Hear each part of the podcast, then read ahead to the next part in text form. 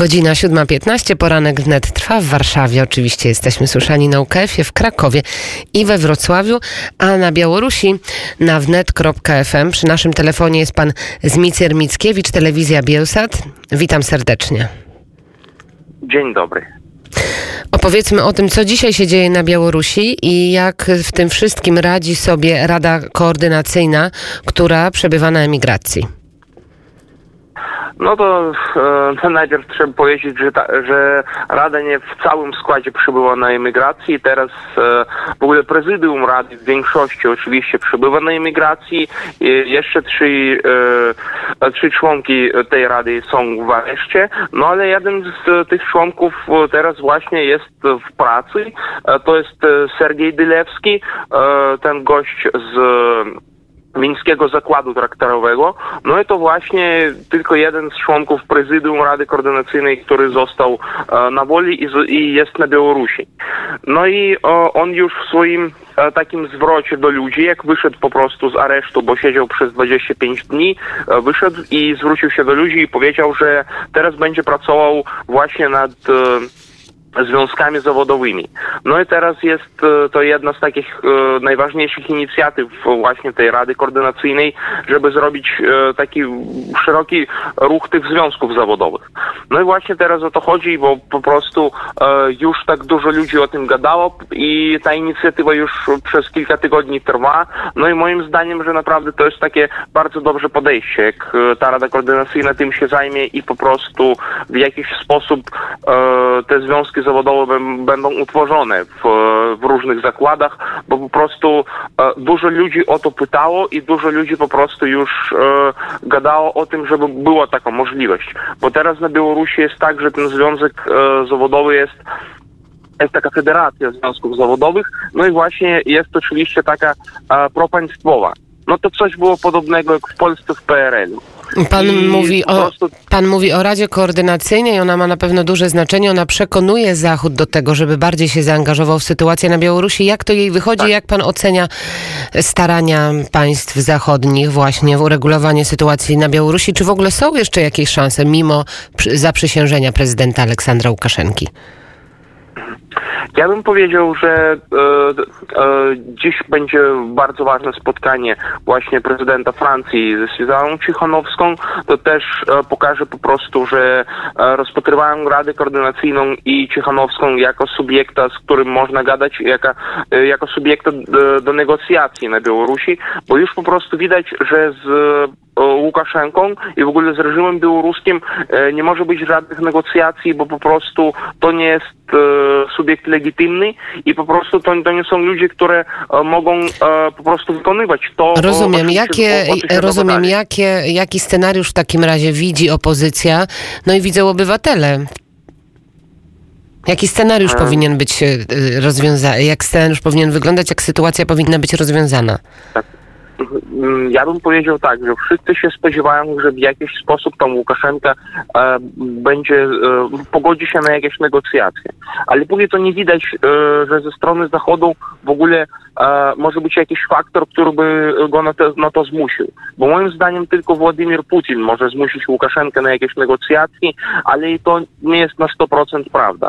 Bo póki wygląda na to, że Łukaszenka może tak e, załatwić na Białorusi to taką Wenezuelę 2 i 0, ale po prostu nie pójdzie na żadne po prostu, no, no, no nie, nie odstąpi. Bo póki pokazuje na to, że nie chce odstąpić i po prostu chce w jakiś sposób dogadać się z Putinem i sprzedać mu e, tak zwane zachodnie zagrożenie bo zawsze gada o tym, że, za zachodnią granicą Białorusi jest jakieś tam ćwiczenia i że Zachód jest, zagraża Białorusi i to znaczy, że zagraża Rosji też i tak dalej. Panie no, redaktorze, a jakie, są, a jakie są nastroje wśród e, obywateli, wśród społeczeństwa? E, ale e, nastroje póki są pozytywne. I to jest dziwne, że już, już jest 52 dzień protestów e, i władza nadal trwa i represje nadal trwają, ale ludzie myślą pozytywnie. I ludzie gadają, że w każdym razie zwycięstwo będzie w taki czy inny sposób. I ludzie na razie nie chcą się radykalizować, ale już trochę się nauczyli bronić e, przed tymi bandytami, które nazywają się policją, które nazywają się OMON i tak dalej. I po prostu już to widać, że ludzie mają zdecydowanie na to, żeby wychodzić dalej, na to, żeby protestować nadal i e, robić jakieś inne formy protestu. Taki protest na pewno, taki na pewno protest zorganizowała noblistka Swietłana Aleksiejewicz, bo ona opuściła Białoruś. Jak tłumaczyła swoją decyzję? Ona pojechała do Niemców właśnie do swojego doktora, bo musiała tam robić jakieś procedury. Oczywiście to już było wiadomo, że ona ma jakieś tam problemy zdrowotne w ostatnim czasie.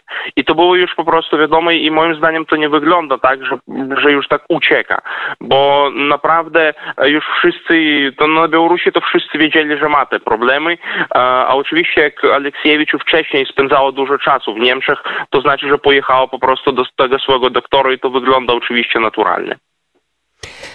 Jak spojrzymy jeszcze na to, co się dzieje w sieci, to co dzieje się w internecie, to także pojawiły się różnego rodzaju przestępstwa w, właśnie w sieci i powstali cyberpartyzanci.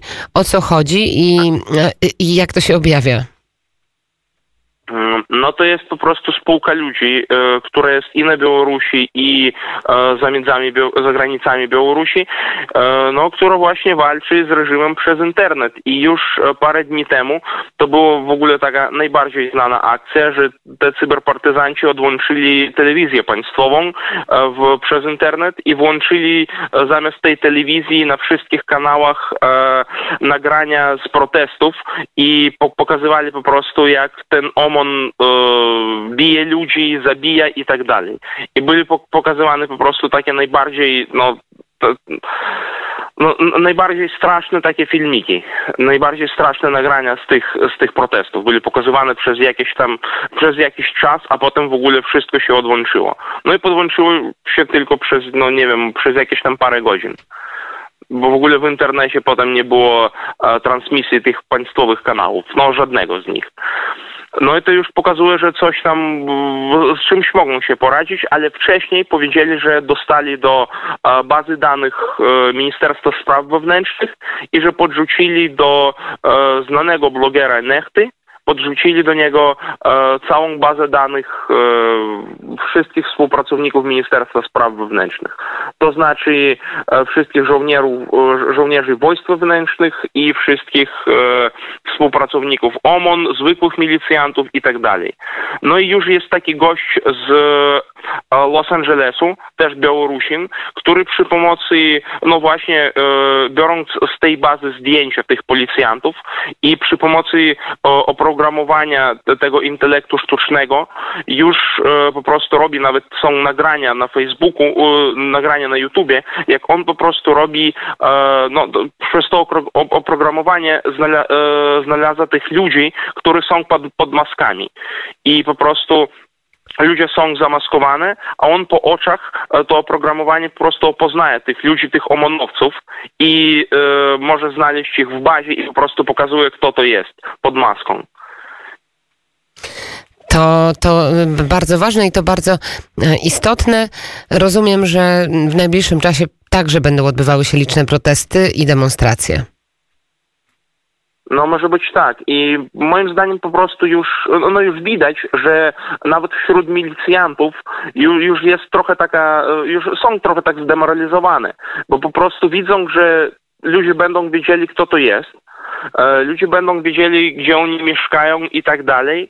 I właśnie na tym polega problem. I jeszcze, e, no, w dużej skali e, milicjantów zdemoralizowało informacja o tych premiach, które dostał OMON za to obijanie ludzi i tak dalej. Bo na, bo na przykład dla takich zwykłych milicjantów, nawet na poziomie pułkowników, ta, taka kasa po prostu jest nieosiągalna. Oni otrzymywają takie wypłaty gdzieś tam za pół roku.